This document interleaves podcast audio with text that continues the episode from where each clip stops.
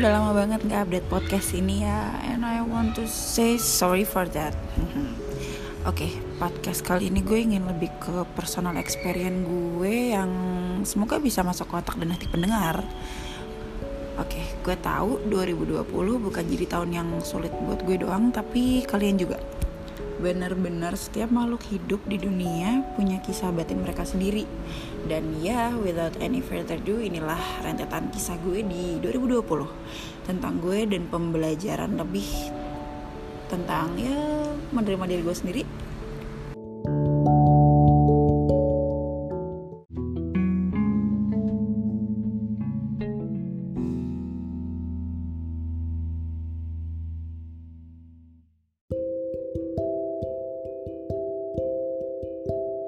So, this is my dearest 2020 uh, Maaf kalau banyak sound yang mengganggu Karena gue take-nya di sebuah cafe di daerah Jakarta.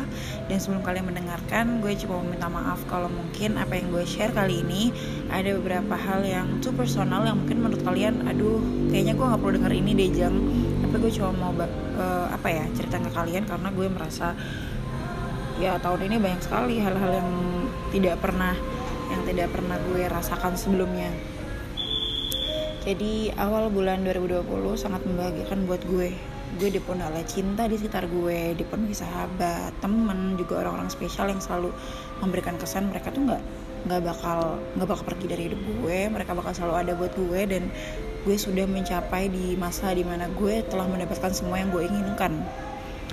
Gak ada kecurigaan sedikit pun waktu itu tapi ya bukan hidupnya namanya kalau tidak ada kejutan di setiap harinya.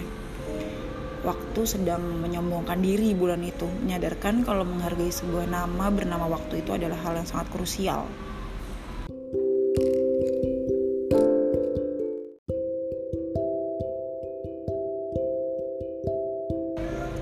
Dan bulan berikutnya datang, Februari 2020. Inilah bulan kegagalan total yang gue rasain selama gue menjadi anak perempuan pertama cucu ponakan sepupu pertama kakak teman. Dan yang paling parah gue merasa gagal jadi wanita. Gue kehilangan.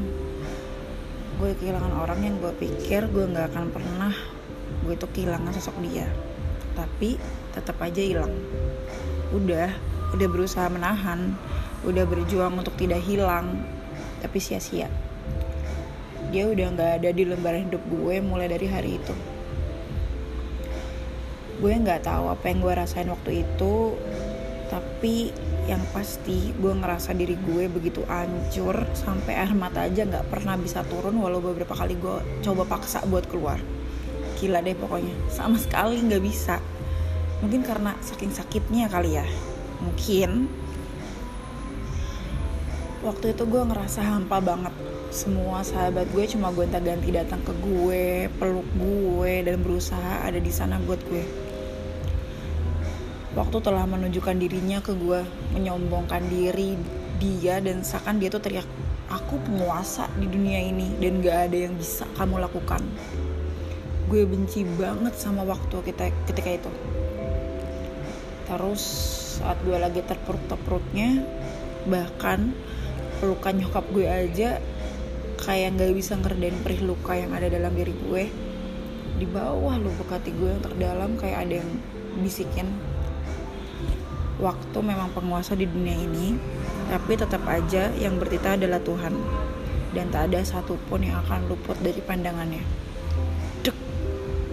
itu jam 2 malam di bulan yang sama saat tiba-tiba pikirannya tuh datang entah dari mana langsung aja tuh ke rewind semua hal yang gue lakuin selama ini.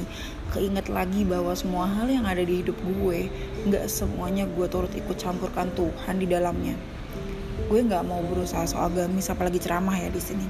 Tapi yang gue pikirin saat itu adalah gimana selama ini gue tersesat di dunia ekspektasi yang gue bangun sendiri. Menulis di atas dongeng indah yang gue nikmatin sendiri. Iya sendiri nggak pernah kepikiran untuk kasih proposal persetujuan sama yang di atas sama satu-satunya yang udah bikin gue hidup sampai detik itu. Dan ya itu kali pertama gue nangis sesenggukan seada-adanya. Sampai gue lupa bantal gue sebasa apa. Dan hari itu juga entah kenapa sesakit apa kehilangan yang gue rasain tangisan gue bahkan lebih menyakitkan daripada rasa itu sendiri nangis buat minta maaf sama yang di atas karena satu makhluk hidupnya sudah tersesat begitu begitu lama. Terlalu kalap dengan semua dunia yang sudah ia buat sendiri. Orang-orang selalu bilang waktu memang selalu sebercanda itu. Tapi tahun 2020 buat gue enggak. Waktu benar-benar serius dengan jabatannya. Begitu kuat ia menonjolkan hal yang paling orang-orang candain. Waktu itu salah seorang sahabat gue bentak-bentak lah ke gue. Jam you deserve to be happy. Just be happy. Dan ada juga yang bilang Jang you've got this. Lo pernah lebih terpuruk daripada ini. Dan yang lainnya bilang gue paham ini berat tapi lo harus coba lawan kayak sebelum-sebelumnya. Dan mantra-mantra penyemangat hidup atau self worth validation lainnya yang gue denger selama beberapa minggu kalau nggak salah dan ya mereka sahabat-sahabat gue dan yang pasti gue dengerin dong mereka. Gue mulai jalan ke mall dan ke cafe sama teman-teman gue. Ya yang biasa gue lakuin lah pokoknya. Ketawa sana sini hahihi ngetawain bagi lu bagaimana lucunya kehidupan gue yang pahit seneng pahit seneng. Sedikit-sedikit dunia dan matahari melihat senyum gue dan ketawa terbahak. Itu berjalan lumayan lama dan saat itu gue bener-bener paksa terus untuk mencet tombol turn off rasa perih di hati gue. Ya cuma biar gue terlihat baik-baik aja di depan semua orang.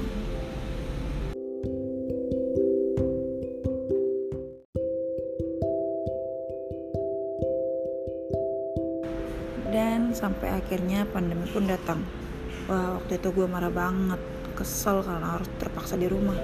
Mati gaya iya mati kutu iya. Eh perasaan perihnya malah nyala di rumah aja buat gue waktu itu yang nggak tahu sampai kapan. Maksa gue buat ya kayak turn onin lagi perihnya sakitnya. Waktu itu gue dengerin video YouTube dan baca quotes lah di Pinterest karena waktu itu kayak gue berusaha mencari banget nih gimana cara sembuhin sembuhin diri gue sendiri. Dan intinya gini kalau mau sembuh harus nerima dulu kalau lukanya bakal membekas. Harus nerima dulu kalau kecelakaannya itu juga salah kita. Dan nggak ada gunanya buat selalu nyalain orang karena kecelakaan itu juga nggak bakal terjadi kalau kita nggak ada di, di situasi itu. Dan setelah itu walau banyak banget tangis jatuh bertubi-tubi yang gue rasa gue dikit-dikit berusaha buat menerima situasinya. Nerima kalau setiap masa ada orangnya dan setiap orang itu ada masanya. Nerima kalau untuk jadi tidak apa-apa. Itu nggak apa-apa. Untuk sorry untuk menjadi nggak tidak apa-apa itu nggak apa-apa. Untuk tidak baik-baik aja itu nggak apa-apa. Nerima kalau nggak semua harus berjalan sesuai sama apa yang direncanain.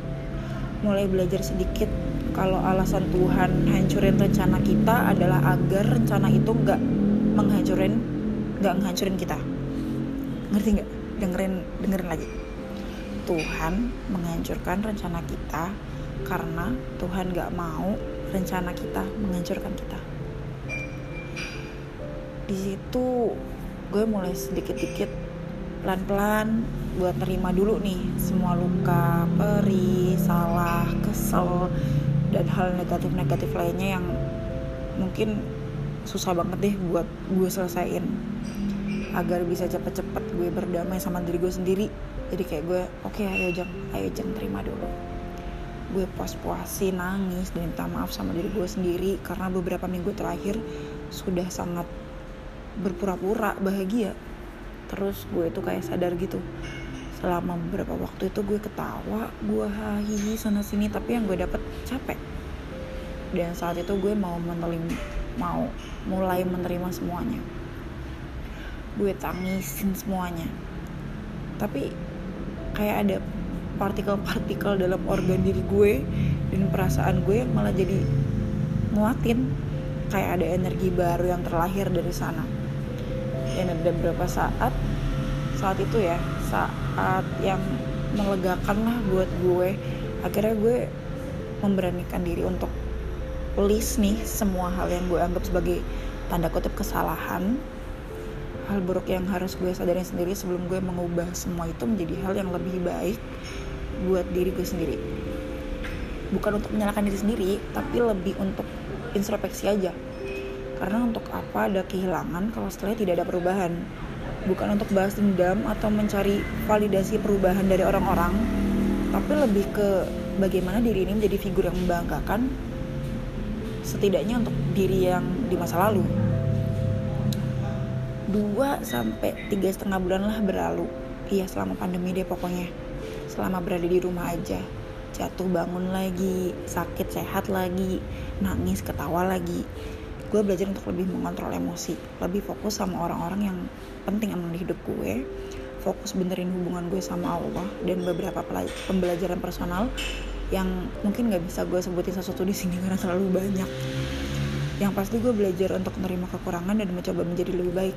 Gue belajar bahwa untuk akhirnya berdamai sama diri sendiri itu kita harus menerima ke tidak baik-baik sajanya kita. Akhirnya datang tuh masa di mana udah bisa keluar rumah lagi udah bisa ketemu sama temen-temen gue lagi. Gue seneng banget akhirnya bisa nembus kangen gue ketemu in person sama orang-orang.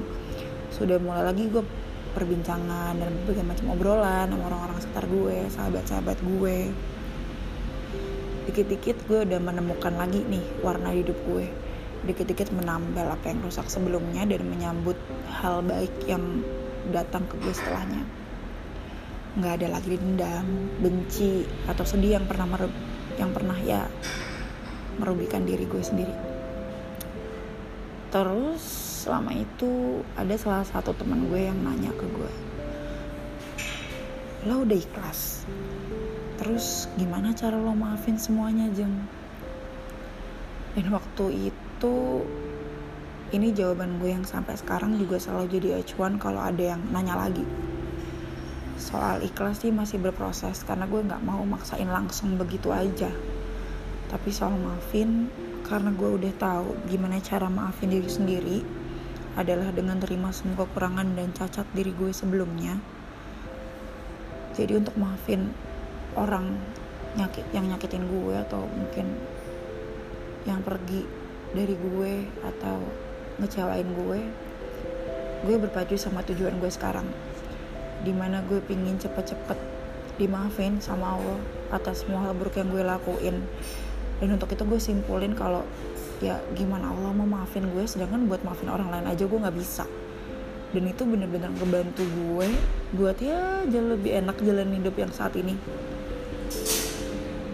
Dan gak kerasa akhirnya udah 10 bulan lebih gue belajar mati-matian gue cinta sama diri gue sendiri gue mencoba hal-hal baru lebih menstrukturkan kegiatan yang harus gue laku, laluin setiap hari yang harus gue lakuin setiap hari. Dan belajar untuk nggak produktif tuh nggak apa-apa. Rebahan aja santai aja gitu. Tidak terlalu menyibukkan diri. Harus ada goals lah intinya di hari itu gitu.